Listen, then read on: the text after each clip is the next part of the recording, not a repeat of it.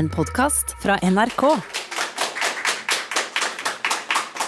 Hei og velkommen til Lytring, en debattarena som drives av Nord universitet og Nordlandsforskning, hvor vi tar debatten om åpenhet og søkelister her fra Røsta scene i Levanger. Mitt navn er Erik Votland, jeg er ansvarlig redaktør i Medier24. Er åpenhet egentlig så bra? Det skal vi snakke om nå. og Med oss i panelet så har vi et eh, stort og flott panel. Det starter med Arne Jensen, i generalsekretær i Norsk redaktørforening. Margrethe Konstad, journalist i Adresseavisen. René Davadi, rekrutteringsrådgiver og ekspert på åpne, åpne søkelister. Espen Leirseth, forsker ved Nord universitet. Og Fatima Almanea, lokalpolitiker eh, for Arbeiderpartiet i Verdal kommune. Velkommen skal dere være. Norge er blant verdens mest åpne land, men hvor bra er egentlig denne åpenheten? Fører åpne søkelister til at vi får de beste kandidatene til stillinger? Blir lokalpolitikken mer konfliktorientert fordi politikerne må være åpne, mer åpne enn i andre prosesser? Det skal vi prøve å finne ut av. og Jeg ønsker å begynne med deg, Espen Leirseth. Du som har liksom dratt opp litt det her eh, ballet her. for Du har skrevet en doktorgrad om åpenhet i politiske prosesser og er ansatt i Nord universitet. Du har jo forska på åpenhet i noen år. Eh, hva har du egentlig funnet ut? Det starta egentlig med at jeg var journalist og dekka mange eh, politiske møter i ulike kommuner. Og Den erfaringa jeg gjorde meg, var at eh, jeg følte at politikerne like mye snakka til meg som journalist som de snakka til hverandre. Så jeg følte, eh, følte at var, de møtte så å si med bundet mandat i møtet. Og Da stilte jeg meg spørsmålet hvor hvis de ikke finner løsningene her, og hvis de ikke bruker de her politiske utvalgene som politisk verksted, sånn som de er ment å være, hvor er det da de finner disse løsningene? Og eh, Det spørsmålet tok jeg inn i forskninga, og gjorde da dybdestudier av to danske og to norske kommuner. Eh, og det jeg fant var at I Norge så er, det, er det partiene som er de viktigste politiske verkstedene. Debattene tas i partiene, og så møter politikerne med bundet mandat i utvalgene. Eh, mens i Danmark så fungerer utvalgene da som politiske verksted i større grad. Og Det tenker jeg er, er, interessant å vite for å forstå hvordan eh, politiske prosesser foregår i, i norske kommuner. Og, og det her har jo flere konsekvenser da, for hvordan politikken fungerer. Det har eh, konsekvenser for eh, konfliktnivået mellom partiene, konsekvenser for hvor gode beslutningsprosessene er, og hvor gode beslutningene til slutt blir. da. Og I arbeidet ditt så har du jo, som du er inne på, sammenlignet Norge og, og, Danmark. Hvordan er egentlig våre åpenhetsregler her til lands kontra eh, vårt naboland? Jo, eh, Jeg har jo lest mange forarbeider lovtekster og sett meg en del inn i hvordan det her fungerer i, i Norge. Da. og Vi har veldig stor tro på åpenhet i Norge. Eh, det er en eh, sånn antakelse om at åpenhet er lik demokrati, og jo mer åpenhet, jo mer demokrati. Det, det er sånn, Fra demokratiforskninga så er det ikke, er ikke en sånn sammenheng, men det er, sånn, det er en sånn sammenheng så, som gjerne tas ut. så det jeg har vært opptatt av, det er å, å prøve å, å, forstå hvor kommer denne litt sånn radikale synet på åpenhet eh, som vi har i Norge. Eh, så Det jeg prøver å gjøre, da, det er å, å få, kanskje få litt mer balanse inn i, inn i det her eh, regnskapet med, å, med å, synliggjøre at vi også Det er også noen ulemper med det her som vi er nødt til å ta høyde for når vi både lager regler og når vi skal behandle de reglene. Og nå, eh, For de som har fulgt med i, i, trønderske medier, så har det vært utrolig mye debatt om åpne søkelister. Det er det jo som regel i hele det norske land eh, ofte. Eh, at, i, men i dette tilfellet etter at Adresseavisa fikk innsyn i søkelista til fylkesrådmannsstillinga, Selv om de har fått innvilga unntak for åpenhet, altså at de ikke skal stå på denne lista. Og Du har skrevet en kronikk der der du argumenterer for at søkelistene ikke bør være åpne. Hvorfor mener du det? Eh, jeg mener at det koker litt ned til om vi ønsker et sånt eh, kontrollsamfunn, eller om vi ønsker et tillitssamfunn. Vi kan jo forestille oss at vi har tillit til dem som eh, sitter i posisjon og skal styre og ta, ta gode beslutninger på, på, vår vegne, og at de bør få et litt friere spillerom til å gjøre de vurderingene som er og kontrollert med fagbevegelsen som, et, som, en kontrollmekanisme i tilsettingsprosessene, som er sterk i norsk offentlig sektor, og som eh, kanskje heller bør forsterkes. Eh, sånn at eh, Jeg tenker at vi bør kanskje tenke grundig gjennom om vi får de kandidatene vi vil ha. Får vi en litt sånn nevrotisk forvaltning som er redd for å gjøre feil fordi at man kan få inn, altså Sitter man i et akvarium hvor man, alt man gjør står til offentlig skue, det er ikke sikkert at det er den beste måten å tiltrekke seg verken de beste kandidatene eller å få de beste beslutningsprosessene på. da. Eh, også på dette området er vi ganske radikale i nordisk sammenheng, eh, hvor Danmark er de som står kanskje lengst eh, på den andre sida, med lukka søkerlister. Og Sverige er en slags mellomposisjon, men ligner mer på, på Danmark enn på Norge. da. Eh, det her har jo eh, en annen i panelet nettopp skrevet masteroppgave om, eh, så det kan sikkert også huske mer om. Ja, nå, jeg tenkte jeg skulle gå til deg nå, René Davadi. Du er rekrutteringsrådgiver og ekspert på eh, åpne søkelister. Er jo, nå skal vi snakke om søkelister til å begynne med, så skal vi snakke mer om eh, åpenhet på politiske møter og den type ting. La oss ta søkelistene først. her nå. Hvordan merker du eh, det i jobben din som rekrutteringsrådgiver, eller hodejeger sagt på godt norsk, eh, eh, at det er utfordrende når det er lukka søkelister? Ja, altså, jeg har jo har jo to innfallsvinkler til det både gjennom den masteren som en Espen Leirseth nevnte, hvor jeg intervjua flere topplederrekrutterere, og om hvordan offentlighetsloven affekterer rekruttering av toppledere. Um, og Samtidig så er jeg rekrutteringsrådgiver, som du sier, så har jo sett hvordan dette også skjer i praksis. En faglig og en, en, en erfaring fra um, arbeidslivet skal du si, som sier hvordan det her fungerer. Mm. Uh, og Min konklusjon i masteroppgaven er jo det at offentlige søkelister har en klar innvirkning på hvorvidt kandidater velger å søke på en offentlig topplederjobb eller ikke. Ehm, det vi ender opp med er gjerne en situasjon hvor de reelle kandidatene eh, blir unntatt offentligheten. Så når søkelista publiseres, er det de som føres opp på søkelista, de som ikke er aktuelle. Men hva betyr det, de reelle kandidatene egentlig? Hva jo, mener du med det? For det, for offentlig sektor er det viktig å ha kandidater som er godt kvalifisert, og finne den beste kvalifiserte kandidaten til stillinga. Um, så Man ser jo gjerne offentlige søkerlister hvor du har uh, anonyme søkere, altså mann, kvinne, mann, kvinne. Og så har du kanskje Ola Nordmann som jobber på den lokale bensinstasjonen, som søker på en topplederjobb i det offentlige, som ikke da nødvendigvis er kvalifisert. Uh, så det vi, det vi, sitter igjen da, er jo en situasjon hvor søkerlista ikke fungerer etter sin intensjon, ikke reflekterer dem som reelt sett er aktuelle for stillinga, og ikke gir media eller den offentlige debatten og innsyn i hva som faktisk har foregått. Um, og Hvorfor vil ikke folk stå på søkerlista? Sant? Det er jo um, altså, Utfordringa her er jo at særlig attraktive kandidater ikke søker. Så vi får rett og slett ikke den beste kandidaten. Og Da kan man jo spørre seg om Dersom kvalifiserte kandidater unnlater å søke på offentlige stillinger, så er det et betimelig spørsmål om offentlige søkerlister i realiteten er utslagsgivende for å senke tilliten mm. til offentlig sektor. Fordi vi får aldri muligheten til å vurdere den beste kandidaten i det hele tatt. sant? Eh, og så har det jo en stor kostnad for, for søkerne å stå på, på, på søkerlista. Og jeg syns debatten er ganske unyansert på akkurat dette feltet. For det er veldig mange som snakker om det som at det er et prestisjenederlag å stå på den offentlige søkerlista. At det er flaut å ikke få en jobb du har søkt på. Men realiteten her er at det å søke seg bort å søke seg en topplederstilling, det innebærer et veldig kraftig signal til både kunder, arbeidsgiver, samarbeidspartnere og andre interessenter, som risikerer um, å signalisere at man er på vei ut, og man blir nærmest en toppleder på oppsigelse. Mm. Det er en stor kostnad å søke en offentlig jobb, hører vi her, Arne Jensen. og Da må svaret være å skaffe mindre åpenhet, eller hva mener du? Du er generalsekretær i Norsk redaktørforening. Ja, Du får jo ikke noe premie for å gjette hva jeg mener. Du, du vet jo godt. Men jeg må si først én ting. og det er en grunn til at jeg drar til Levanger for å delta på denne debatten. så er det jo fordi at jeg har veldig sans for at noen inntar en litt sånn kontrær posisjon i forhold til det som vi alle mener er det riktige, nemlig at åpenhet eh, er veldig bra. og jo mer av det, jo bedre og jo mer demokrati. Så Espen Leirseth eh, har spilt opp til en veldig spennende og interessant diskusjon. Og så eh, er jeg så eh, gammel at jeg husker jeg begynte som journalist i 1985. Den gangen var loven sånn innrettet at det var ikke mulig å få noe unntak fra søkerlisten. Og så vidt jeg husker, så ble det også den gang ansatt meget godt kvalifiserte ledere i norsk offentlig forvaltning, som fikk norsk offentlig forvaltning til å fungere meget bra. Eh, så Jeg er jo av den oppfatning at det burde være utgangspunktet. At søkerlistene var offentlige, og at det ikke eh, var unntak. Og så tror jeg jo at dette eh, har jo å gjøre med, med, Jeg skjønner at det for mange vil kunne være ubehagelig eh, å stå på en søkerliste til en jobb når man står i en annen jobb.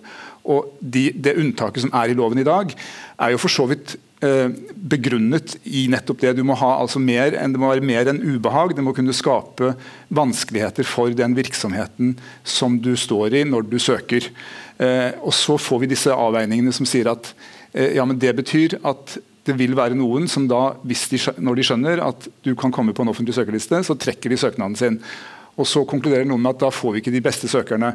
Det siste det vet vi eh, vel ikke så veldig mye om. Om det er de beste som alltid trekker seg, eller om det er av andre grunner. Det kan fortsatt være sånn at vi får de beste eh, ansatt, selv om, de står, selv om de er åpne søkere. Det vil være avhengig av mye. Men, men, eh, men det, som, det, det, som, skjer, det er jo at vi får prosesser nå som René helt riktig beskriver, som blir litt sånn jukseprosesser. og Vi har sett det nå i det siste. To eksempler. Ansettelse av sjef for uh, oljefondet. Uh, som, uh, hvor Nicolai Tangen aldri sto på søkerlisten. Frank Bakke-Jensen, ansatt som fiskeridirektør, sto ikke på søkerlisten.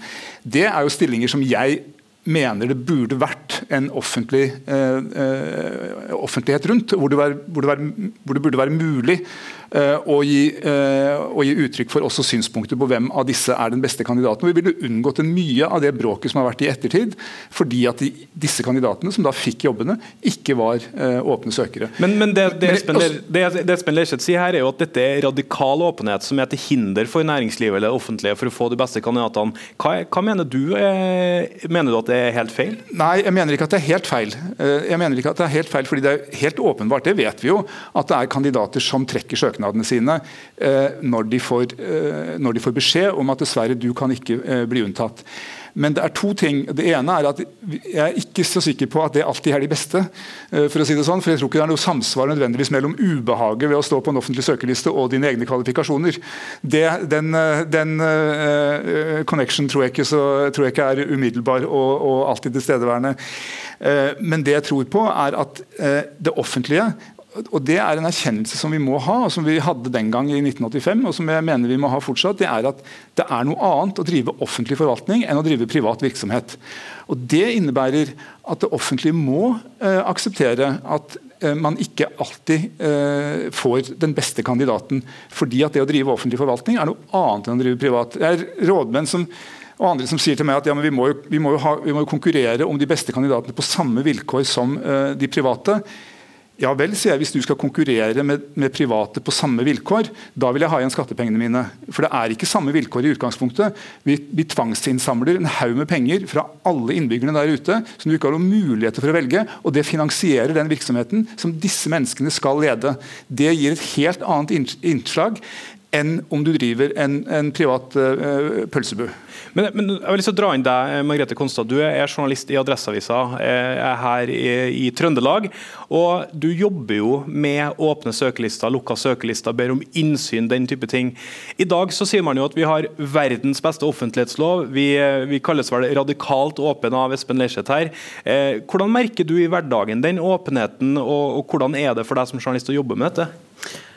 Ja, nei, øh, Hvis vi ser på spørsmålet som vi begynte med i dag, med om den åpenheten vi har, er, er, det, er det, så bra? sant? Så Hvis du spør meg på en litt dårlig dag, da, så kommer jeg til å hisse meg opp litt over det. fordi at, øh, fordi at øh, Jeg føler jo at vi journalistene, både i smått og stort, egentlig må kjempe veldig for å på en måte kassere inn den åpenheten som vi egentlig har i loven. da. Så, så, jeg føler jo at når vi snakker om hvor åpne vi faktisk er i Norge. Ja, vi er åpne i sammenlignet med andre land, så er vi åpenbart det, både i regler og praksis. Eh, men jeg må si jeg eh, opplever jo å bruke eh, veldig mye tid, og at det er en tålmodighetsprøve å få innsyn i ting som vi mener er helt åpenbart at vi burde hatt innsyn i, som egentlig er helt enkle saker, dokument som ikke skal være noe problem. Um, ja, for det Du mener her, altså du har ja. rett og krav på å få innsyn i dokumenter som det offentlige. De kommuniserer seg mellom hvem har søkt på hvilke jobber osv. Ja. Men du mener at de kanskje ikke respekterer den offentlighetsloven som det, faktisk ligger der i dag? Det er jo det vi jobber med når vi stadig vekk må klage på, på avslag på innsyn. Um, selv om ikke det nødvendigvis viser seg å stå som interessant i det dokumentet, så virker det noen gang som at det er enklere selv om mange er flinke, men det virker som det er noen ganger enklere eh, å si nei. Eh, ofte uten begrunnelse eller hjemmel i loven som vi egentlig skal få. Og Så bruker vi en par uker da, på å finne ut av dette, her, og så kommer det et dokument til slutt som viser seg å ikke være så interessant eller viktig eller nyttig for noen.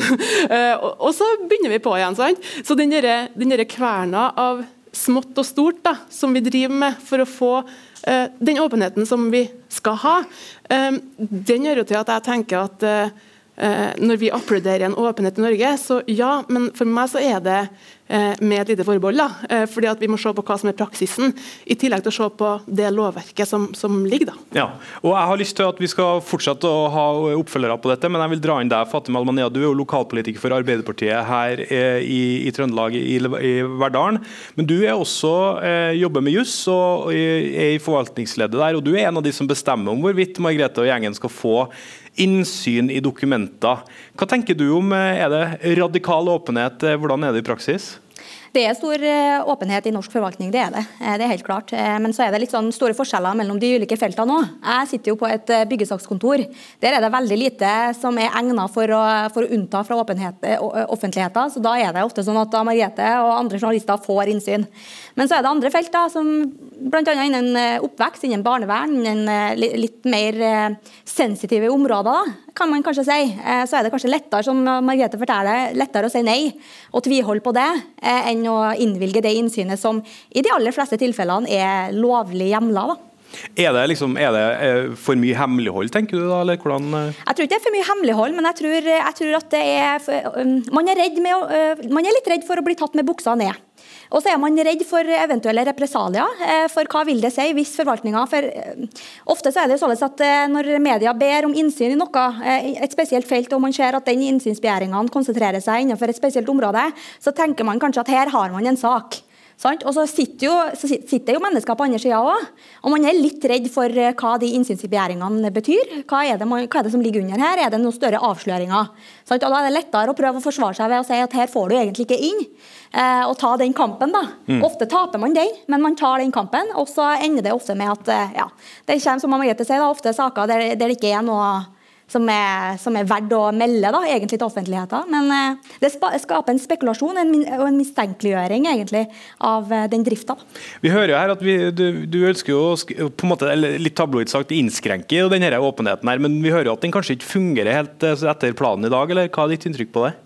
Ja, nei, altså innskrenk, kanskje Det jeg først og fremst ønsker, det er å få til en, en, en, mer kunnskapsbasert debatt om hva det jeg oppfatter som radikale åpenhetsregler har å si for både hvordan beslutninger tas, eh, hvordan atferden preges av de her reglene. da. Og, og, Det som Fatima beskriver, eh, har betydning, og også Margrethe beskriver, i, i, praktisk liv. og Det er min egen erfaring også, som journalist. Du måtte jo kjempe deg inn på møter eh, og bruke loven. Og Så sitter du der, og så og, ok, so what, Du ser debatten, men hvordan preger det debatten at, at man sitter der som, som journalist? Men det som, det som er først og fremst, eller det jeg er opptatt av, det er å få en for det, det, er jo flere områder. Det er jo åpne søkerlister, det er åpne møter i politikken. altså Hvorfor skal kommunepolitikere være lovpålagt å åpne møter, mens på Stortinget kan de sitte og ikke åpne møter? Hvorfor er det demokratisk eh, uproblematisk i så fall?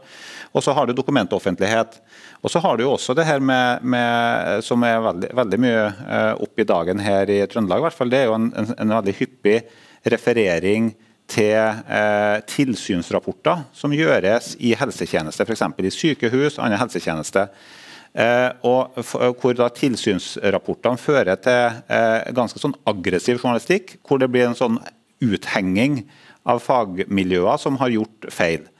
Eh, og, og det her vet vi jo er ekstremt belastende for dem som jobber i, i det her systemet veldig, veldig tung situasjon å, å, gå på jobb hver dag som lege eller som sykepleier. eller noe sånt, og Så redder du liv hver dag, og så en dag har du en dårlig dag på jobben, og så får du en smekk av tilsynet, og så du, føles du som uthenging i avisa.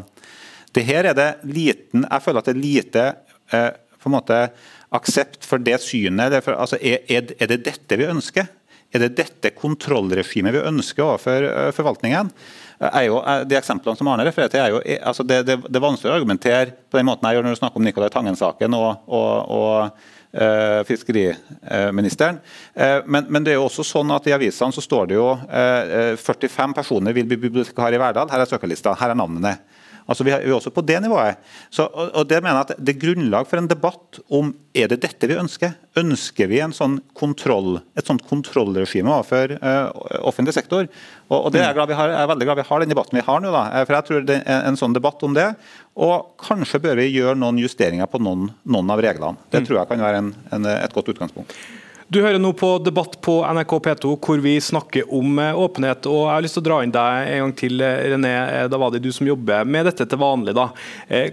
Når du hører Espen Leirseth og du hører Arne Jensen og journalistene som faktisk jobber med dette, Hva, Klarer du å peke på noen løsninger her? Vi har jo fått problemet, og så har vi fått motsida. Men er det noen løsninger på dette? Ja, altså Først så vil jeg bare påpeke ting. for at Du nevner det at det kan være, eller at det har fungert fint før. Offentlighetsloven kom jo i 1970, og det var da du fikk den første lovbestemmelsen om offentlige søkelister. Det er et betydelig annet verdensbilde som har eh, blitt nå i 2021, hvor søkelistene publiseres på nett.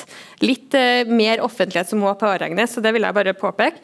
Og så er det sånn, Alle er enige om at offentlighetsloven og spesielt lovbestemmelsen om offentlige søkelister, har en god intensjon. Det er bra at vi har den intensjonen i det, men det er også Norges dårligste bevarte hemmelighet at den ikke fungerer etter hensikten. Så ja, med løsninger. Norge har god track record på å uh, utføre gode utredninger på krevende demokratiske avveininger. Det er helt åpenbart at vi trenger å ha en ny norsk offentlig utredning på dette området.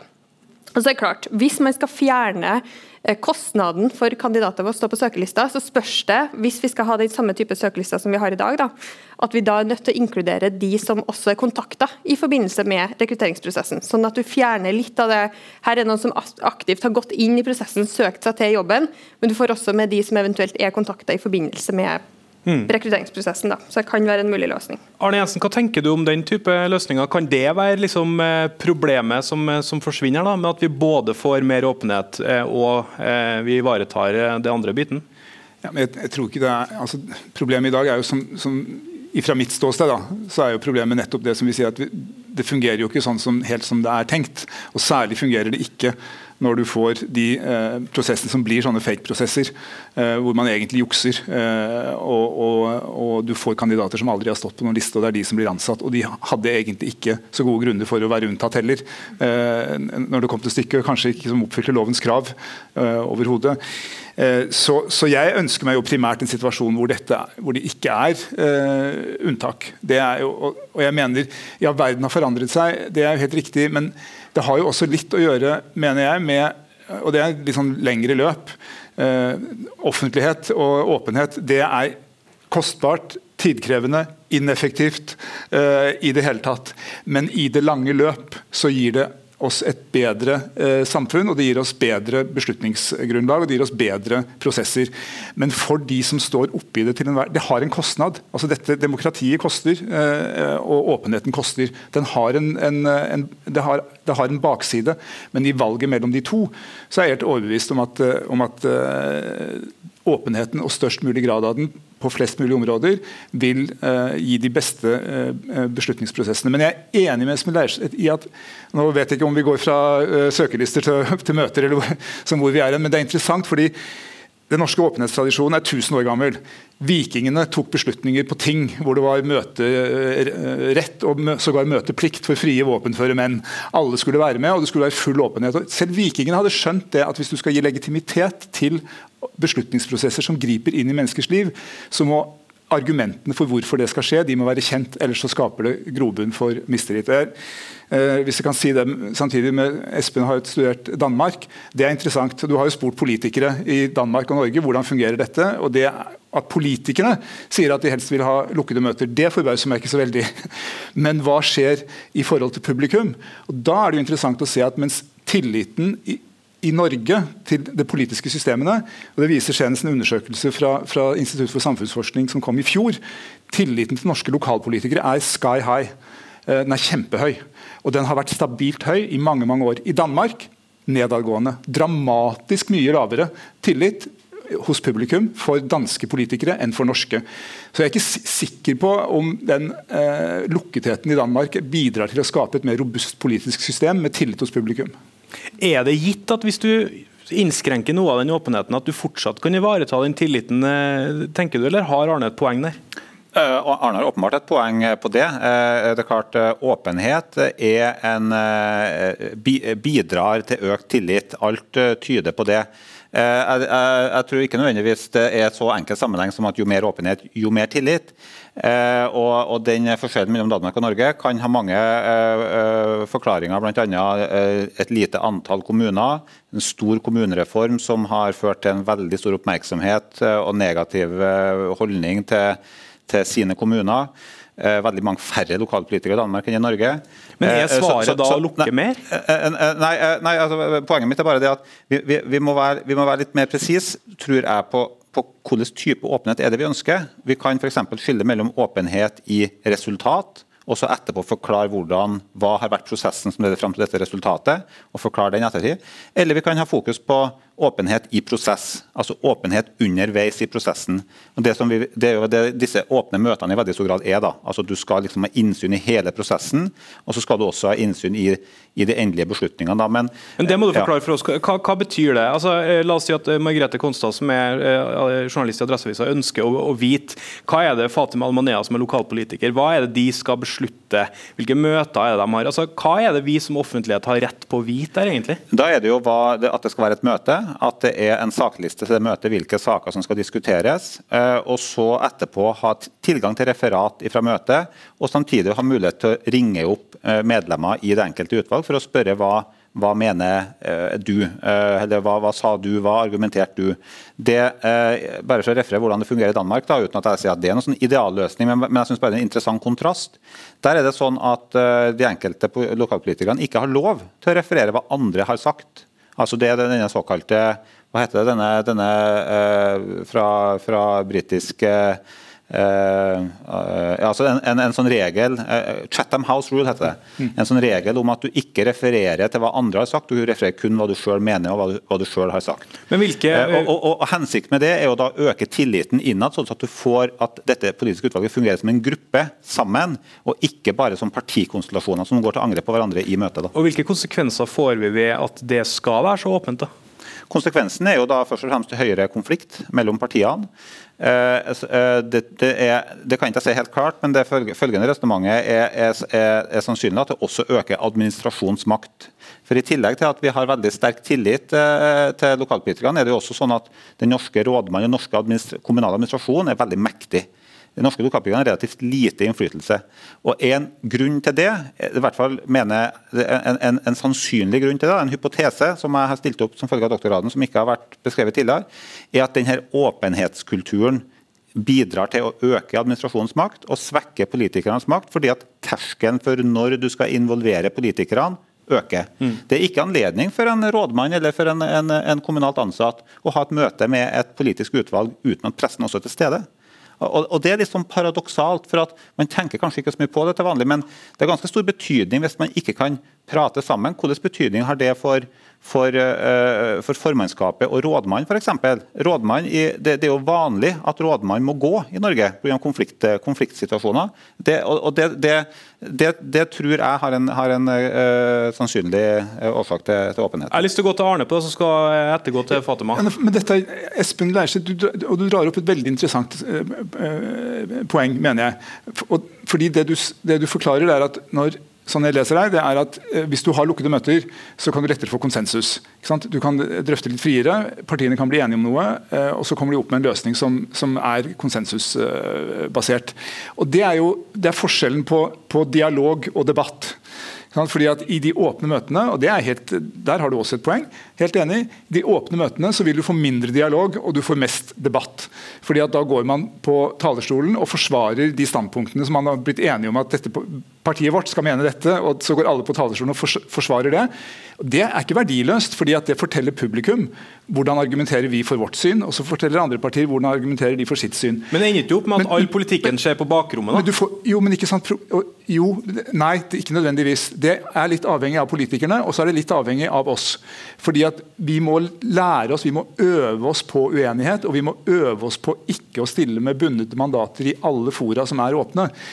Og Det er en ganske krevende øvelse. Den klarer du ikke endre ved en lovgivning eller ved noen statements. Det er en lang, er en lang prosess. Men Espen Leirseth har påpekt noe som er et poeng, og som for så vidt jeg har vært inne på før også. For det som skjer i Norge når man har disse møtene som da ofte ikke er lovlige, ikke sant? man samler seg til sånn gruppeledere, sånn uformelle arbeidsmøter bla, bla, bla. Så kommer politikerne ut av disse møtene, så går de på talerstolen og så sier de nesten ingenting. De bare forklarer hva de har blitt enige om, og så stemmes det, alle enige. Hvordan skal jeg som velger orientere meg i et politisk landskap da? Hvis, ikke, hvis hvis disse debattene som, som hvor, hvor, posisjonene eh, er kjent, og hvor diskusjonene og løsningene kommer frem, hvis jeg aldri blir kjent med de Hvorfor skal jeg stemme på Arbeiderpartiet når jeg vet at de går på bakrommet og så blir de enige med Høyre likevel, og så kommer de ut med ett felles standpunkt som ikke skiller det ene fra det andre. Lokalpolitikk er jo konflikt. Det handler jo om ulike partier som har ulike meninger om hvordan goder og byrder skal fordeles i det norske samfunnet. Og den, Det må jo på en måte anskueliggjøres også når det kommer til konkrete saker, mener jeg. Ja, og det, Da hører vi at pressen skylder på politikerne. Fatima, Nei, det, det, var noe veldig enkelt, da. Fatima Almania, du, du, er jo lokalpolitiker for Arbeiderpartiet i, i, i, Verdalen. og Hvordan merker du dette her eh, med, med åpenhet og, og, og, den type ting? Er, er det utfordrende når det gjelder møtevirksomheten deres?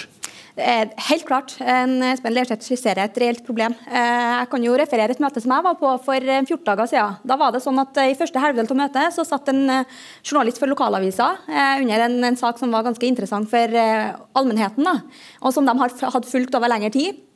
Og Da opplever man at eh, den ene politikeren etter den andre går fra å være en privatperson, som de ofte er i lokalpolitikken. sant?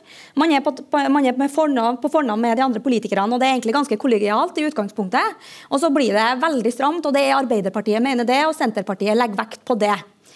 Eh, og det er egentlig Anklagene henger veldig løst, og det er en konkurranse om å være mest mulig sensasjonell for å få det klippet eller for å få det oppslaget i ettertid. og sånn er det jo. Men Hvordan påvirker det politikken deres? da? Nei, det, det, gjør jo at vi blir mer konfliktorientert, det er ikke noe tvil om det. Eh, men, det, men samtidig så kan man kanskje ikke hele tida bare skylde på media heller. For jeg tenker at Det handler jo litt om innsalget òg. Jeg som politiker skal jo ha et publikum. Sant? Og Publikummet mitt er avhengig av at det stemmer på meg og velger meg igjen og igjen. Og Det gjør de jo ikke hvis de ikke opplever at jeg representerer deres mening eller fronter det de på en måte eh, har valgt meg inn for. da. Eh, men, det er, men, det er, noe skiller her, Det er noe skiller her, og man må være veldig tydelig på det. Og så tenker jeg at eh, det er helt klart skille mellom når media er til stede ved et møte og ikke. I det møtet som jeg refererte i starten av resonnementet her, så gikk man fra når journalisten var der, til å egentlig krangle eller debattere ganske heftig, til at idet journalisten går ut, så kommer det, og i neste sak så setter man seg ned og så puster man litt ut, og så sier man at uh, her, her synes jeg er en veldig viktig sak for lokalsamfunnet mitt, som egentlig alle, alle saker er. Jeg vil veldig gjerne at vi skal prøve å få til et fellesforslag mellom alle partiene. Mm. Og det får man til. Sant? Men jeg er 100% overbevist om at det forslaget hadde aldri blitt fremma så lenge journalisten hadde sittet der. Kan jeg, få, kan jeg få spørre om en ting? For jeg hører av og til altså politikere si at ja, men diskusjonen blir så mye bedre når det ikke er journalister i stedet. Da, da, har vi virkelig gode diskusjoner. Så tenker jeg, men det, Dette er jo et paradoks. Det må, det må være noe gærent et sted. Hvis de beste diskusjonene Eh, som politikerne er mest, egentlig mest stolte av og fornøyd med, hvis de er bak lukkede dører. Eh, det henger jo ikke på greip. Hvor, hvor ligger feilen da? Eh, og jeg skal ikke si at ikke vi i media har noe av skylda for det. fordi at vi, vi blir så vant til at, at, vi får ikke innsyn i dette. at Hvis vi får innsyn i det, så tror vi at, at jøss, folk er uenige, man er uenig innad i regjeringen. Nei, skulle du hørt. Du verden. Altså, vi, vi, har liksom, vi har lært oss til noen sånne formler for hvordan ting skal foregå og så klarer vi ikke å bryte de mønstrene. Og, og det er jo dumt. Jeg er jo veld, hvis jeg bare får skjøte inn på det, akkurat det der, altså jeg er veldig uenig i det. Jeg tror at jeg mener jo, Min mening er jo at debattene blir mye kjedeligere når media ikke er der, nettopp for at man ikke har et publikum eller ikke har noen man skal selge budskapet sitt til. Da. Ja, jeg tror, Espen? Altså, det, er, det er eh, noe ganske menneskelig ved det at du endrer atferd om du blir sett eller om du ikke blir sett. Altså, det er forskjell på å stå på en scene og føre en diskusjon, og det å ha en diskusjon rundt et bord på en eh, pub. Eh, det er uten at sammenligninga skal trekkes for langt eh, til lokalpolitikken eh, på den måten. da. Eh, men jeg vil gjerne ta tak i noe som Arne Jensen nevnte, som gjelder altså at, at, politikk er også konflikt, og det er jo helt riktig, det er jeg helt enig i. Men, men hva er det er jo sånn at Vi i Norge holder oss med to politiske system. Vi har et parlamentarisk system, sånn som er på landsnivå. og Det er også enkelte byer og bykommuner som har det. Eh, som er en konfliktorientert modell. Der er det veldig rett det Arne eh, sier, om at eh, da er det viktig at partiene skal utkrystallisere sin rolle. Og Partiene kom jo som en følge av parlamentarismen. Vi fikk parlamentarismen, og så kom partiene. Men formannskapsmodellen er jo eldre enn parlamentarismen, og 98% av norske kommuner er jo styrt etter den. Poenget med det her er at den modellen legger opp til mer konsensus, legger opp til mer samarbeid. Det er en, en modell som ikke, Du skal velge parti med utgangspunkt i Du skal finne de best mulige løsningene for ditt lokalsamfunn. Men det Arne Jensen argumenterer med, han, sier jo at, han sier at konflikt og sånn er jo nettopp det politikken handler om. At ja. man skal skape det. Hva tenker du om når han sier det? da? Jo, Det er en del av politikken, men politikken er også samarbeid. Politikken i lokalmiljøet er først og fremst å finne gode løsninger på vegne av det her lokalsamfunnet. Ikke å egge opp til mest mulig konflikt mellom partiene, sånn at velgerne skal vite hva, hva de skal stemme. Så jeg mener at det er en, sånn, det er en, det er en Parlamentarismen har på en måte spist seg inn i mange kommuner, som gjør at vi, vi, tenker om politikk nettopp på den måten mange gjør det. Eh, på den måten Arne beskriver. Men det er bare én del av politikken, og det er ikke det som er det fremste formålet med, med lokalpolitikken. Replikk fra Fatima. Ja, Det er som en, Espen sier, veldig store forskjeller mellom det som er lokalpolitikk og nasjonal politikk. Jeg kommer jo fra en kommune der det var de, de konfliktlinjene mellom partiene lokalt var utrolig sterke, og de var dyrka fram. Eh, det, var, det skapte en motstand i befolkninga som jeg mener at resulterte i at det som var sittende regjering, eller det, som, det partiet som satt med makta da, mista makta etter, etter, det valget. Bl.a. fordi at man egga opp til konflikt konstant og pekte på alle andre og fortalte at alle andre gjorde galt. Mm. Så, sånn kan det òg ses. Jeg vil, jeg vil, spørre deg, Margrethe, som journalist i Adresseavisa, hvordan, hvordan, merker du det når du sitter på politiske møter, eller det, hvordan merker dine kolleger det når, når du, set, du, sitter der kontra liksom, eh, Endrer politikerne atferd hvorvidt dere er der eller ikke, tenker du? Nei, det, det er vanskelig for meg å vurdere. Det tenker jeg at det høres ut som det er sannsynlig at de gjør det. Men, men, men, men eh, jeg blir litt nysgjerrig på om det her med konflikt altså, Litt som du tar på, Jensen, at eh, altså, er, er, konflikt er det et problem, det? Og er det sånn Leirseth, f.eks., tenker du at eh, politikerne sitt naturlige behov da, for å markere sine standpunkt og uenigheter, da, kommer det til å forsvinne hvis vi har den konsensusen i lukka møter? da? Eh, jeg er ikke sikker på det. og Hvor blir da debatten, debatten hvor, den, hvor, kommer den konflikten hen da, hvis den ikke tas ut i det møtet? Eh, hvor tenker du at vi skal mm, kunne synliggjøre politikerne sine ulike eh, standpunkter? I den grad det er behov for, for, den typen markering av konflikt, så er jo politikerne utmerket stand til å lansere det på eget initiativ i lokalpressen. Og man vil jo fortsatt ha en partimessig markering i kommunestyremøtet. Eh, kommunestyremøtet er helt utelukket å lukke. Altså det, jo, det, vil alltid være åpent og må være åpent. Det har vi jo til med grunnlovfesta. Altså for det første er det grunnlovfesta. Eh, møtene i kommunestyret og i Stortingets plenum er grunnlovfesta. Det er helt utenkelig at man skulle endre det, jf. den vikinglange tradisjonen som Arne refererer til. Eh, og Det er jo også fordi at det kommune, kommunestyret er jo kommunens øverste organ. Det er viktig at det har den typen legitimitet og åpenhet, som jeg er helt enig at vi må ha. Men det ivaretar man gjennom åpenhet i kommunestyret. Og så trenger ikke de saksforberedende prosessene og de saksforberedende utvalgene å ha den radikale åpenheten som Jeg mener at man bør ha åpenhet i kommunestyret. åpenbart. Vi kan ikke bli som, altså er, Jeg kjenner ikke noen demokratisk stat som ikke har sitt på en måte, øverste demokratiske organ åpent. Det er utenkelig å se for seg. Da blir det som Kina, Folkekongressen i Kina er jo ikke åpen, f.eks. Men, men, men jeg ønsker ikke å gå i den retning. for å si det sånn. Ikke helt til Kina, skjønner jeg. da. Men, men Arne Jensen, altså, vi snakker jo om, altså, Han har jo løfta problemet, eh, og, og, så sier at han har noen gode poenger. og Så drar vi hjem fra, fra Røsta og så gjør vi det samme som vi gjorde i, i, i går. Kan du, være med, kan du si at han har noen poenger? Det, hva kan vi gjøre videre med dette nå, egentlig? Så jeg skal løse det? Ja, ja takk skal du ha. Takk for tilliten. Nei, det vet jeg ikke om jeg klarer. Men, jeg, men jeg, tror, jeg, tror, vi må gjøre det som og Det er jo derfor dette er, er, er, viktig. da, Selv om jeg er uenig med Espen på veldig mange punkter, så mener jeg det er viktig at vi får opp den diskusjonen. Fordi at det i seg selv har en dynamikk. og Det er sånn vi, sånn vi får ting til å, å skje. Ved, å, ved å, å, diskutere det, og diskutere fordeler og ulemper. Eh, og så tror Jeg ikke det at, jeg tror, jeg tror, ikke svaret er at vi skal begynne å lukke eh, heller ikke politiske underutvalg, men jeg tror vi må begynne å se på og eh, se på hva slags eh, kultur er det vi har etablert for hvordan den type eh, debatter skal foregå. Enten det er du kaller det dialog eller debatt. Jeg var, har vært på mange møter jeg, i, i, politiske uh, utvalg det, som har fremstått tidvis som, nesten som dugnader. Hvor, hvor, politikere har jobbet og vært helt åpne på at de ikke har svaret der og da når de går inn i møtet, men er med på å utarbeide uh, forslag og løsninger underveis. Jeg kan ikke huske at det var noen politikere som opplevde at det var eh, spesielt uh, og, og, at de tapte ansikt, eller at det var liksom et, et nederlag. Og Jeg vil litt tilbake igjen til det. Men så tror jeg ikke det er sånn at du vil aldri komme dit hen at at det ikke er møter mellom partier og innad i partier og, og sånn hvor man drøfter uh, utenfor lyskasternes uh, søkelys. Det, det, er ikke noe poeng i å prøve å få til heller. Men poenget er at velgerne må forstå og skjønne hvordan de diskusjonene foregår, og hva som er de reelle argumentene som fører frem til de beslutningene som tas. Men jeg vil arrestere deg litt der, for det du, det du er inne opp med nå, det er å si eh, det er viktig å ta debatten. Men hva, nå, skal, nå, tar vi debatten, nå er vi her. på en måte. Har han noe poeng i det hele tatt i det han sier? Ja, men Det har jeg jo sagt at han har. Jeg har jo sagt at Espen har et poeng.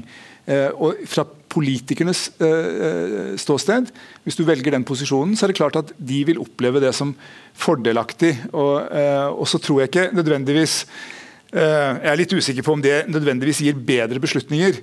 Jeg er litt usikker på om konsensus skal være nødvendigvis et mål. Jeg tror I mange typer saker så må du være tydelig på at noen mener noe, og noen mener noe annet.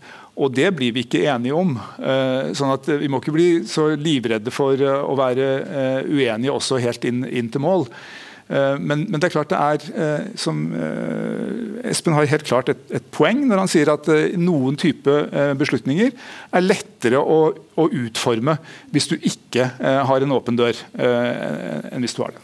Du hører nå på debatt i NRK P2 hvor vi snakker om åpenhet. og det har Vi har flagga litt fram og tilbake her, Espen. Det er du som har kasta opp denne ballen for den debatten om at du mener at vi har en radikal åpenhet, og vi prøver å peke litt på, på løsninger. I, I, din forskning nå når vi snakker om møteoffentlighet og, og den type ting, du har jo sammenligna Norge og Danmark bl.a. Kan du gi oss noen korte punkter på hva du tenker kan være løsninger? Eh, for det første så må jo lokalpolitikerne forholde seg til det regelverket som er, og må prøve å finne løsninger innenfor de rammene som er. Og Jeg mener at jeg har kommet med noen forslag i, i mitt arbeid som, som, prøver å gjøre det. Jeg skal, skal, ikke gå inn på detaljene på det, men, men det går an å jobbe, jobbe, med kultur, sånn som Arne er inne på. Jobbe med noen ting innenfor dagens rammer som jeg tror kan forbedre ting. og Det er viktig å gjøre. Men det som jeg tror er det viktigste, det er å ta opp det som René eh, snakka om tidligere her, eh, om å få opp enten en norsk offentlig utredning, en ny NOU, som kan ta opp dette spørsmålet i større bredde. Men det er også innenfor forskninga mener jeg at det er et stort behov for å få mer forskning, mer kunnskap om disse reglene. For det er et faktum at det er jo nesten ikke forska på konsekvensene av disse reglene. Og Det eh, er jo fra mitt ståsted et veldig stort paradoks. for Jeg opplever at dette har stor betydning. Det har jeg opplevd i min gamle jobb som journalist, og jeg mener jeg har observert det også som forsker. Så det er jo også sånn, få, få noe forskningsprogram på det, få en norsk offentlig utredning, fortsette eh, debatten. For at jeg tror vi bør justere disse reglene den ene eller andre veien. Da. Eh, der kan vi jo gå til deg, da, Rene. Da var det du som er rekrutteringsrådgiver og ekspert på, på åpne søkerlister. Du peker på at man bør få en norsk offentlig utredning for å få litt flere på en måte, eh, svar i denne debatten og diskusjonen og sånn, den type ting. Hva, eh, når du begynte på mastergraden din, hvor, hvor, mye var det du kunne hente av dokumenter på forskning? og sånn? Altså, er det et helt sånn øde område, tenker du? eller? Du, det, var, det, var, ganske lite forskning å hente på det, men det er ekstremt mye praksis. Så det er mye eksempler å hente ifra, men jeg følte at jeg måtte starte litt på bar bakke. Eh, Les mye forarbeider. Eh, Kikka mye til Sverige og Danmark, som du sier, som har eh, gjort andre vurderinger i sin om de skal ha offentlige søkelister eller ei. Nei, så Det var et ganske uskrevet blad. Det er definitivt behov for mer forskning på det området. Ja, Vi er, mest, nei, vi er land, verdens mest åpne land, men, men, vi klarer ikke helt å, å, løse det her. Men tror du at eh, Nå snakker vi om å innskrenke åpenheten til en mm. viss grad, eller endre på praksisen. sånn, Tror du at det trengs radikale grep for å endre den radikale åpenheten? Ja, jeg tror vi er nødt til å gjøre noen ting, eh, uten tvil. Jeg tenker altså det å si at vi får mer demokrati av å ha offentlige søkelister. For eksempel, det, jeg tenker at det er ikke realistisk at toppledere vil ta en karrieremessig kostnad for å søke til det offentlige, hvis de kan søke kostnadsfritt i det private. Og I verste fall så hindrer det kompetanseoverføring. Det, det er et reelt problem vi står overfor. Vi hadde jo den situasjonen eh, i 2013 med, med rekrutteringa til et av de aller høyeste offentlige stillingene i Norge, som var embetet som høyesterettsdommer. Det var ingen søkere i 2013. og De åpna opp for å lukke søkerlistene i den stillinga, og fikk da løst rekrutteringa. Så det skjer. sant? Men jeg, jeg vil bare understreke igjen, jeg syns at intensjonen er god. Det her er veldig positivt. Det er fint at vi kan ha en lov hvor vi får ettergått at f.eks. hensyn til kjønn, eh, minoriteter, geografisk tilhørighet, hvis det er viktig i rekrutteringa, at vi tar hensyn til det. Og Paradoksalt nok også, så viste jo eh, mastergraden min at offentlige søkerlister fungerer veldig godt på lavere stillinger. Sånn, der får man utnytta den lovbestemmelsen og får brukt den, mens i høyere stillinger så har det ingen effekt, dessverre. Det blir omgått og det blir gjort uh, tilpasninger for for å, få de beste kandidatene. Så um, ja, jeg tenker, at, eh, jeg tenker, at, eh, vi har en situasjon i dag nå som ikke fungerer etter hensikten sin, og som ikke bidrar til legitimitet og tillit i det hele tatt. Sånn hva tenker pressen om det her, Margrethe Konstad i Adresseavisa? Vi snakker om at vi ønsker radikale grep for den radikale åpenheten. Eh, hva, hva tenker du om det? Blir du bekymra når du hører de, de, de, tingene? Ja, altså Hva pressen tenker om det, tror jeg jeg skal ta på meg å si noe om, men, men jeg kan jo si hvilke refleksjoner jeg gjør meg. og eh, Fra min hverdag da, og ifra fra hverdagen til kollegaene mine i, i eh, diverse mediehus som jeg har vært i, så, så er kanskje ikke følelsen av at det liksom det naturlige neste steget er å skrenke inn muligheten for, eh, for innsyn og offentlighet. Det, det, er jo ikke det som vi, som vi eh, tenker sånn Eller som jeg tenker da på som, som et behov. For jeg syns det hadde vært strålende hvis vi kunne ha fått strømlinjeforma litt bedre den praksisen av det lovverket vi har i dag. Og Så kan vi jo diskutere da, det, blir det da for strengt eller for stramt, eller skal det gjøres noe. Men liksom, akkurat nå så, så er det liksom ikke eh, mindre offentlighet og trangere rom for å jobbe som journalist som jeg kommer til å stå på barrikaden for. da. Mm. Espen, hva tenker du om det? Jo, jeg tenker det at eh, Loven vi har i Norge i dag, oppfatter jeg nærmest mer som et slags form for ideal, ideal, idealsamfunn hvor hvis alle, hvis alle, oppførte seg optimalt, hvis alle diskuterte som om det ikke var en journalist der, selv om det er det, hvis alle søkte på stillingene som om det ikke ble offentlig, selv om det blir det, så ville dette fungert. Men, men altså, Loven forholder seg på en måte til en verden som vi skulle ønske at verden var, ikke som verden er, og ikke som mennesker er. Eh, og Det fører paradoksalt nok til kanskje mindre åpenhet. Eh, og kanskje eh, dårlig, svekka legitimitet. Fordi at uh, Når det gjelder søkerlister, så er det jo sånn at du skaper da, sånne skyggeprosesser, som René har, har, vist, og som vi har hørt om i Adresseavisa sine spalter den siste tida, som jeg er enig i ikke er heldig, men som er en sånn konsekvens av et lovverk som er lite, et kart som er lite tilpassa terrenget. Når det gjelder åpne møter, så er det jo sånn at veldig mye av de reelle beslutningene tas annet sted enn i de åpne møtene. Det betyr at du flytter beslutningene ut i fortsatt lukka møter men hvor det ikke føres referat. Ingen vet hvor møtene er, ingen vet hvem som deltar. Så du får på en måte en mer uh, uformell og, og, en mye mer uklar beslutningsstruktur, en beslutningsprosess, enn hvis du hadde akseptert at man også kan møtes og også kan ha noen søknader som ikke har det her eh, akvarieinnsynet i prosessen. Mm. Da vil jeg gi ordet til deg, René. Da var det rekrutteringsrådgiver og ekspert på åpne søkelister. Nei, altså Jeg støtter det Espen Leirseth sier 100 Jeg vil jo stille det spørsmålet. Vi har hatt denne diskusjonen her så lenge og så over så mange år. Vi vet at det ikke fungerer. Det er nesten litt sånn, det er nesten litt typisk norsk også. Skal sitte og så tenke ja, ja, det funker ikke helt, men det ser bra ut på papiret. Vi kan ikke fortsette på den måten som det er nå. Vi er nødt til å ivareta den intensjonen og, ta, og ivareta det hensynet, men vi er nødt til å finne en bedre måte å gjøre det på. Men, og Det hjelper ikke å sitte og tenke at vi skal tvinge folk til å stå på en offentlig søkeliste hvis det eh, eller altså, Det kan jo gjøre at det blir, blir løsninga, men, men vi, kan ikke, vi, kan ikke, fortsette sånn som vi har gjort fram til nå. Det hindrer at vi får godt kvalifiserte søkere. og Det gjør at vi unngår loven, at vi sitter og jobber på sant, at vi skinnprosesser, som en Espen sier, vi er nødt til å finne en ny løsning på det her. Skinnprosesser, sier de med generalsekretær Arne Jensen i Norsk Redaktørforening. Jo, men i alle dager, ja, Vi vet at noen søkere trekker seg, men, det, men fortsatt så er det sånn at det, så vidt jeg vet, så er norsk forvaltning eh, befolket med veldig mye godt kvalifiserte ledere som gjør helt strålende arbeid. De er rekruttert i åpne eh, prosesser eh, med eh, de, de lover og regler vi har i dag. Jeg sier ikke at den er perfekt, på noe vis. Det er mange ting å si om, om den, men, men, men, det er jo ikke sånn at, det, at, det ikke, at, systemet ikke fungerer. Det fungerer ganske godt. Men, og så har jeg lyst til å si noe, i litt sånn store bildet, fordi Espen dro opp et Du sa innledningsvis at vil vi ha et kontrollsamfunn eller vil vi ha et tillitssamfunn? som om det er to motstridende størrelser. Det er jeg svært usikker på. Vi har verdens mest åpne demokrati, uh, sier vi selv, og det har vi i hvert fall ikke langt unna. Eh, men vi har også det samfunnet med størst tillit eh, til eh, myndigheter og til de som beslutter. Jeg tror det er en sammenheng mellom de to. Og så tror jeg ikke det er sånn, det er jeg nokså sikker på etter å ha lest litt om, om tillit. Det er ikke sånn at tillit og kontroll står mot hverandre. I mange tilfeller så er tillit avhengig av at det er kontrollregimer. Eh, hvis jeg blir syk nå, eh, så hadde jeg dratt ned på et legekontor eh, i Levanger og gått inn til et menneske jeg aldri har møtt før i hele mitt liv, og lagt hele mitt liv i vedkommendes hender og stolt 100% på det. Hvorfor det? Jo, fordi at jeg stoler på at det er et system som gjør at du får ikke lov til å sitte i legefrakk nede i Levanger sentrum og ha legekontor på døra di særlig lenge, med mindre du er kvalifisert til å være det.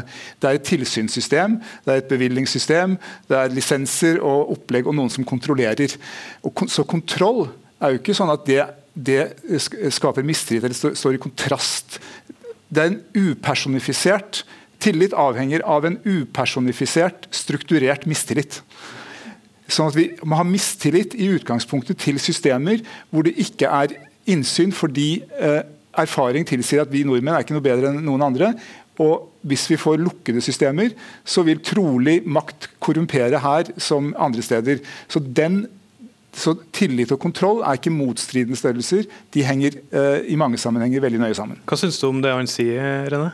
Altså, Du sier at, vi, at, du vet at det er folk som er ansatt gjennom gode prosesser hvor det har vært åpenhet. Men den offentlige søkelista, du kan ikke være 100% sikker på at det er gjennomført en god prosess. For du kan ikke lese det ut fra søkelista den søkelista som du får, det er ikke sikkert at det er gjennomført en god prosess. På papiret så kan det være det. Nei, men, idea, men det du snakker om, er et ideal, men realiteten er at det fungerer ikke i men, praksis. Men vi, vi, får ikke, vi, får ikke, det ideelle systemet, uansett hvordan du snur og vender på det. Vi må velge det som er minst dårlig, da, for å si det sånn, eller det som er best. Ja, men jeg tror, jeg tror det der vi ikke har, vi har funnet ut helt hva som er det minst jo, men, dårlige. Ja, men, det jo, men, unnskyld, men, jeg, men jeg, sa ikke at, jeg, sa, jeg sa ikke at prosessene var bra, for det har ikke jeg noe Men jeg sier at i norsk forvaltning så sitter det vitterlig veldig mange stort sett, godt kvalifiserte mennesker og leder ulike virksomheter. Og de har blitt ansatt gjennom eh, prosesser eh, som kanskje skulle vært gjennomført litt annerledes. Men de er, eh, de er ansatt gjennom prosesser basert på det regelverket vi har. Og det har ikke gått helt gærent. Eh, eh, Fatima, du har jo lest eh, kronikken som Espen Leirseth hadde, hvor han bl.a. peker på at han ønsker en, en, en, annen åpenhet enn hva vi har i dag. Du sitter jo på begge sidene, og du er også tidligere journalist i, i Trønderavisa og har jobba med, med, med, journalistikk på den måten. Espen Leirseth sier jo at folk bør kunne søke på en jobb i det offentlige uten å få navnet sitt på trykk i avisa. Loven bør endres. La oss begynne å runde av og komme inn for landing her. Hva mener du, bør loven endres eller ikke? Jeg mener jo at eh, Når man søker offentlige stillinger, så kan ikke det være en privatsak. Eh, jeg tror at vi må, ha, vi må ha en veldig høy terskel for det. Og så er det sånn at I loven så finnes det allerede unntak i dag. og De håndheves veldig veldig godt. I de fleste tilfeller så er terskelen etter, hvis man skal ta en juridisk inngang til det, liksom legere enn det den burde ha vært i forhold til lovgivers intensjon. Så jeg mener jo at, at systemet sånn som det er i dag stort sett fungerer. 99% fungerer det, og så er det enkelte utslag som ikke er gode. Og Der bør man selvfølgelig ha runder på det. Eh, men å få en politiker til å, å, ønske seg mindre åpenhet, eller proklamere mindre åpenhet, det tror jeg du skal lete lenge etter. Margrethe Konstad, hva mener du? Eh, bør vi, ha, eh, bør vi endre loven? Nei, det, det, mener jeg ingenting om, men jeg mener jo at uh, så lenge den loven er der sånn som den er, så kommer jeg til å fortsette å sende klagene mine, for å si det sånn. ja. Arne Jensen? Nei, Jeg er nostalgiker. Jeg ønsker meg tilbake til 1985. Åpne søkerlister, ingen unntak. Det nest beste systemet er antageligvis noe i nærheten av det vi har i dag. Uh, så har alle disse løsningene alle har sine svakheter. Ingen, ingen løsning er perfekt, ja. sånn, hvis man skulle si det. Og så må vi høre med hodejegeren René Davali. Hva mener du? Bør loven endres? Jeg mener at vi må, vi må ha en ny offentlig utredning. Dette er en kjempekrevende avveining. Vi er nødt til å gjøre et godt arbeid og finne ut hva som er den ordentlig beste løsninga. Vi kan ikke holde på å fortsette sånn som vi gjør i dag. Og vi, jeg tror vi vet hva du mener, Espen Lerseth, men jeg spør deg likevel. Bør vi endre loven? Ikke, ikke, over bordet. Jeg mener at vi sånn som René, at vi bør ha en grundig utredning og en grundig debatt på faglige vilkår, altså utover TV-debatter og kronikker i avisene. Offentlig utredning, annen type grundige prosesser, så tror jeg vi må se på dette om det fungerer sånn som det, det vi ønsker det skal gjøre, og eh, om vi bør eventuelt gjøre noen justeringer. Så tror jeg det er viktig at vi bare også holder debatten konstant i live. Eh, at, at, dette, at vi må, altså dette demokratiet dør bak Hva er det, den flosken som er Democracy altså, dies in darkness. Ja, dette sloganet til denne amerikanske lille avisen i Washington. altså det er klart, det er et slogan. Det er ikke noe analytisk begrep som, kan, som gir noe til hjelp i en sånn vurdering. Så, så mindre slagord, mer analyse og mer utredning. Takk. Mer utredning, det var godt eh, siste ord. Tusen takk skal du ha til panelet. Arne Jensen, Mariette Konstad, René Davadi, Espen Leirseth, Fatima Almanea og mitt navn er Erik Votland. Du har nå hørt på, på Lytring, en debattarena som drives av Nord universitet og Nordlandsforskning. Tusen takk her fra Røsta scene i Levanger. Du har hørt en podkast fra NRK. Hør flere podkaster og din NRK-kanal i appen NRK Radio.